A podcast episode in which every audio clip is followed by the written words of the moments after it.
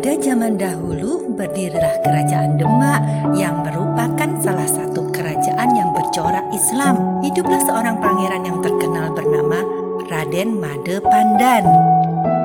Beliau terkenal sebagai seorang ulama dan seorang bangsawan. Banyak orang yang hormat dan segan terhadap beliau. Beliau mempunyai seorang putra yang bernama Raden Pandanarang. Seperti halnya bapaknya, Raden Pandanarang ini terkenal juga sebagai anak yang sopan, ramah, baik hati, dan berbakti kepada orang tuanya. Kemudian, Raden Made Pandan mengajak anaknya dan para pengiringnya untuk meninggalkan Kesultanan Demak.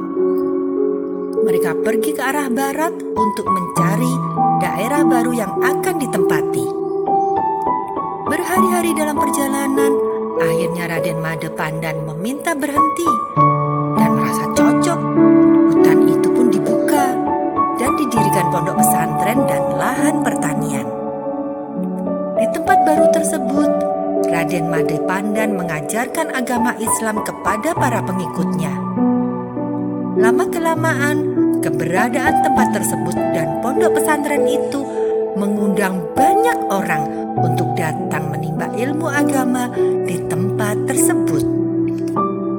Di tempat inilah Raden Madepandan merasa senang hati hidup bersama putranya.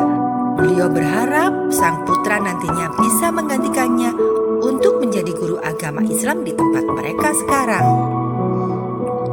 Sebelum meninggal, Raden Madepandan berpesan kepada putranya, Raden Pandanarang, agar melanjutkan cita-cita beliau. Raden Pandanarang diminta untuk tidak meninggalkan daerah tersebut. Raden Pandanarang diminta untuk menyebarkan agama Islam di tempat itu serta mengelola tanah pertanian di sekitar daerah itu. Wasiat ayahnya itu benar-benar diperhatikan oleh Raden Pandanarang. Raden Pandanarang menjadi seorang guru agama yang menyampaikan ilmu agama Islam kepada masyarakat sekitar serta mengelola lahan pertanian. Dari hasil pertanian didapatkan hasil panen bahan pangan yang melimpah. Dengan relatif singkat, banyak orang datang untuk belajar ilmu agama Islam.